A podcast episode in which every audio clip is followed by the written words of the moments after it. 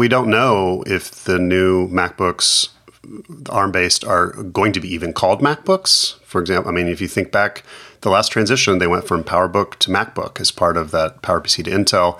We don't know what they're going to look like. They might be redesigned. So, like, we have no idea, but we shouldn't be surprised if they come out with a new laptop that doesn't look like the existing laptops, isn't named the same thing as existing laptops. I mean, they have all options open. Yeah. I think.